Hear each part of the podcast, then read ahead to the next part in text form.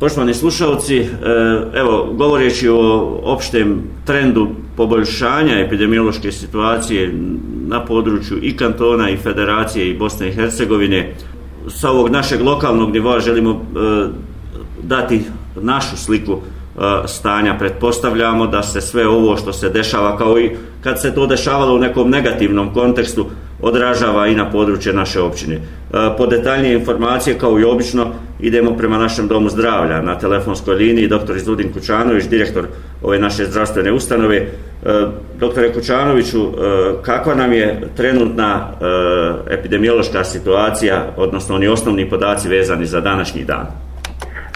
Prije pozdrav kadire vama, lijep pozdrav slušalcima Radio Olova. Da, u pravu ste, dakle, i ovaj sistem i ova naša regija i naša država E, funkcioniše po principu spojenih posuda, tako da se posebno kanton Sarajevo stanje u kantonu Sarajevo automatski reflektuje dakle i na teritoriju naše općine.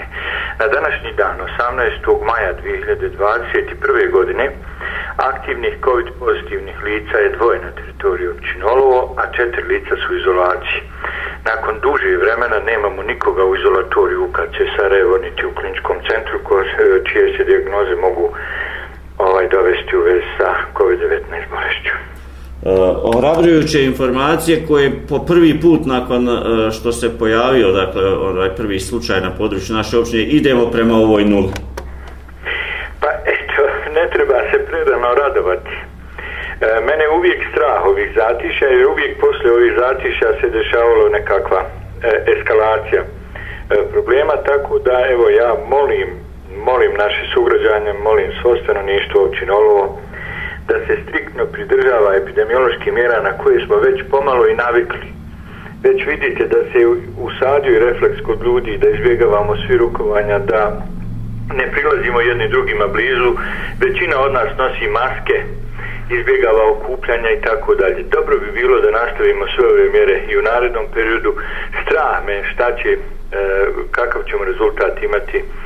E, jer smo imali i vjerskih praznika u proteklom periodu od sve tri ovaj, religije, tako da e, evo ja se nadam da ćemo održati ovo vrijeme. Ovo je e, izuzetno dobro u smislu imunizacije stanovništva, odnosno dobijanja vremena i prostore jedne povoljne epidemiološke situacije da, da u ovom zatišu vakcinišemo što veći broj naših sugrađana kako bismo evo neki, neko ljeto dočekali sa što većim brojem zaštićenih ljudi. E, kako nam je tu situacija kada je u pitanju e, snabjevenost e, vakcinama, odnosno najave e, eventualnih, evo vidimo to kako to ide na ovim višim nivojima? Pa najava ima konkretnih rezultata također ima, ali nije to ni blizu tih najava ogromnog broja e, vakcina. Mi ćemo evo danas, sutra i preko sta, e, izvršiti vakcinaciju 222 naših sugrađana iz prioritetnih grupa. Na drugi dan Bajrama u petak smo također radili e, imunizaciju i tu smo e, dali vakcine za 92 naših sugrađana. Želim napomenuti da evo u petak, dakle 92 ljudi, ni jedno ni jedan od pacijenata, ni jedan od ljudi koji su došli na vakcinaciju nije imao nikakve neželjenih e, efekata. Tako da evo da, da možemo i potvrditi iako ima nekakvih strahova kod našeg stanovništva da razbijemo i te strahove ako u, u nekoliko sati uradite vakcinaciju za 90 ili 100 ljudi i niko od tih 90 ili 100 ljudi nema nikakvih neželjenih reakcija, onda možemo govoriti da se radi o jednom jako sigurnom medicinskom sredstvu, odnosno liku, odnosno vakcini. Da, U kontekstu, e, doktore, u kontekstu, dakle, evo ovih najava federalnog kriznog štaba koje će e, u četvrtak biti vjerovatno potvrđene na vladi, a evo iz e, Ministarstva zdravstva Zemljško-Dobojskog kantona, odnosno kantonalnog kriznog štaba, najavljuje se, dakle, praćenje ovih, dakle, evo, bez maske na otvorenom, povećan broj okupljanja 70 na otvorenom, 30 u zatvorenom prostoru. Kako gledate na ove mjere? odvijaju prema e, pravilima struke. Tu su epidemiološki pokazatelji koji, koji govore, dakle, oni se upoređuju, oni se uzimaju u obzir da bi odredili e, strogoću, da, na, na taj, da tako kažem, strogoću tih mjera. E, zavisi od broja novo otkrivenih slučajeva u određenom posmatranom vremenskom periodu. S obzirom da je došlo do jednog zatišća generalno u kompletnoj državi,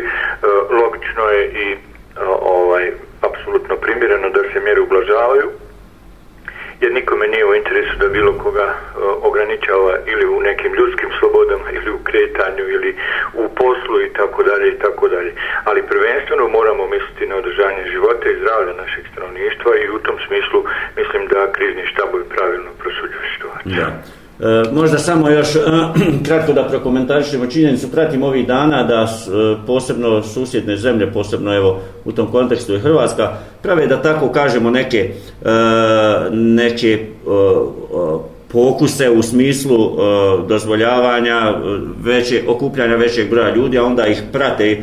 Može to uskoro postati jedan od, od, od, od metoda također? Pa moguće, ali ja ne bih se upušta u nikakve pokuse, ja mislim da ova e, zemlja treba da ide u sljedećem pravcu. To smo govorili i, i ranije. Dakle, e, onda kad je bila kriza, e, ja sam, sjećate se, predlagao strožije mjere i, i na duže vrijeme i da se obezbede vakcine da bi u jednom kratkom vremenu veliki broj ljudi imunizirali. Sada, evo, hvala Bogu, situacija nam ide na ruku i imamo jedno zatišje u kojem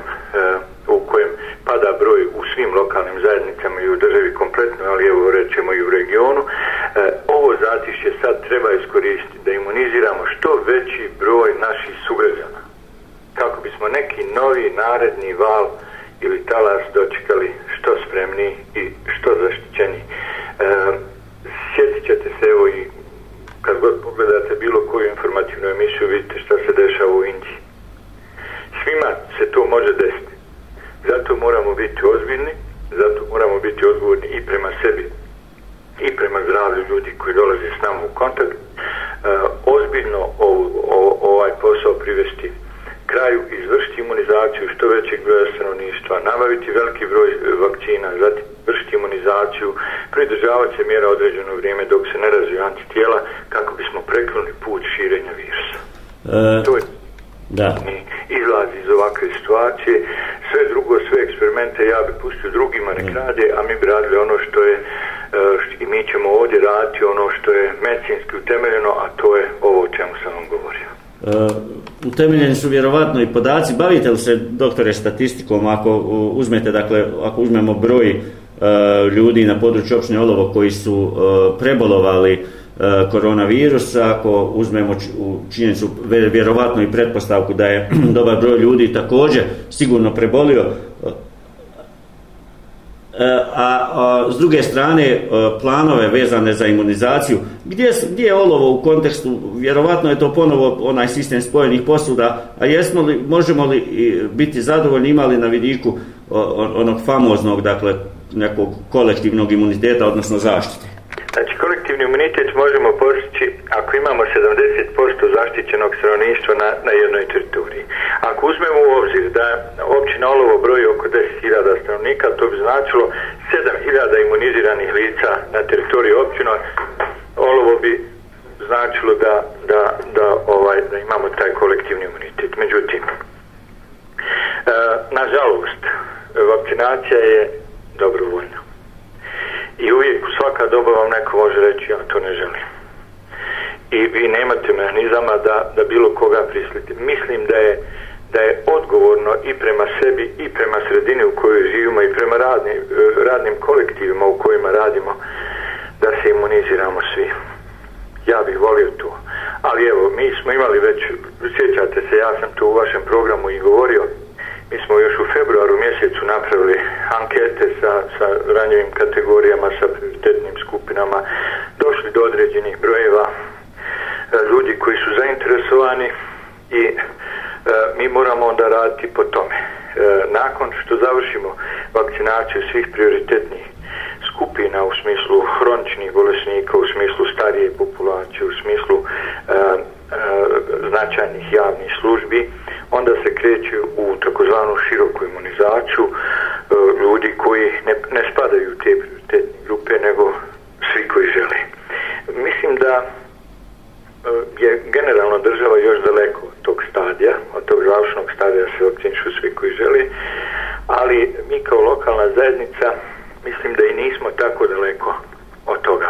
Ali evo ne bih te podatke sad iznosio, ja, mi smo imali ovdje neke svoje planove, iskazali smo određene zahtjeve prema kantonalnom institutu za javno zdravlje za brojem vakcina i, i da su naši zahtjevi ispoštovani 100% kako smo tražili, mi bi već krajem ove sedmice završili vakcinaciju svih e, ranjivih kategorija, odnosno ovih prioritetnih skupina i od sljedeće sedmice sa nekim narednim i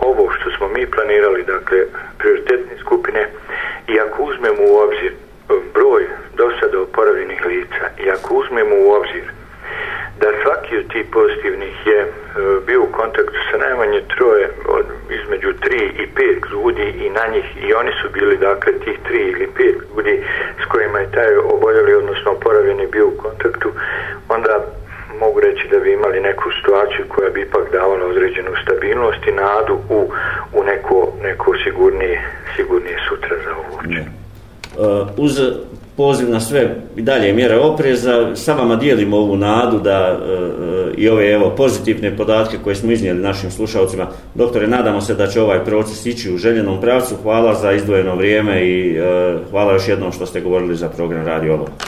Vama što pokazujete interes i što ste stalno tu, dakle, kad, kad treba prenijeti određene informacije, mi ćemo kao i do sada, kao javna ustanova od posebnog društvenog značaja na teritoriju općine Olovo učiniti sve da e, mjere koje poduzimamo i u narednom periodu budu u najboljem interesu života i zdravlja našeg stanovništva.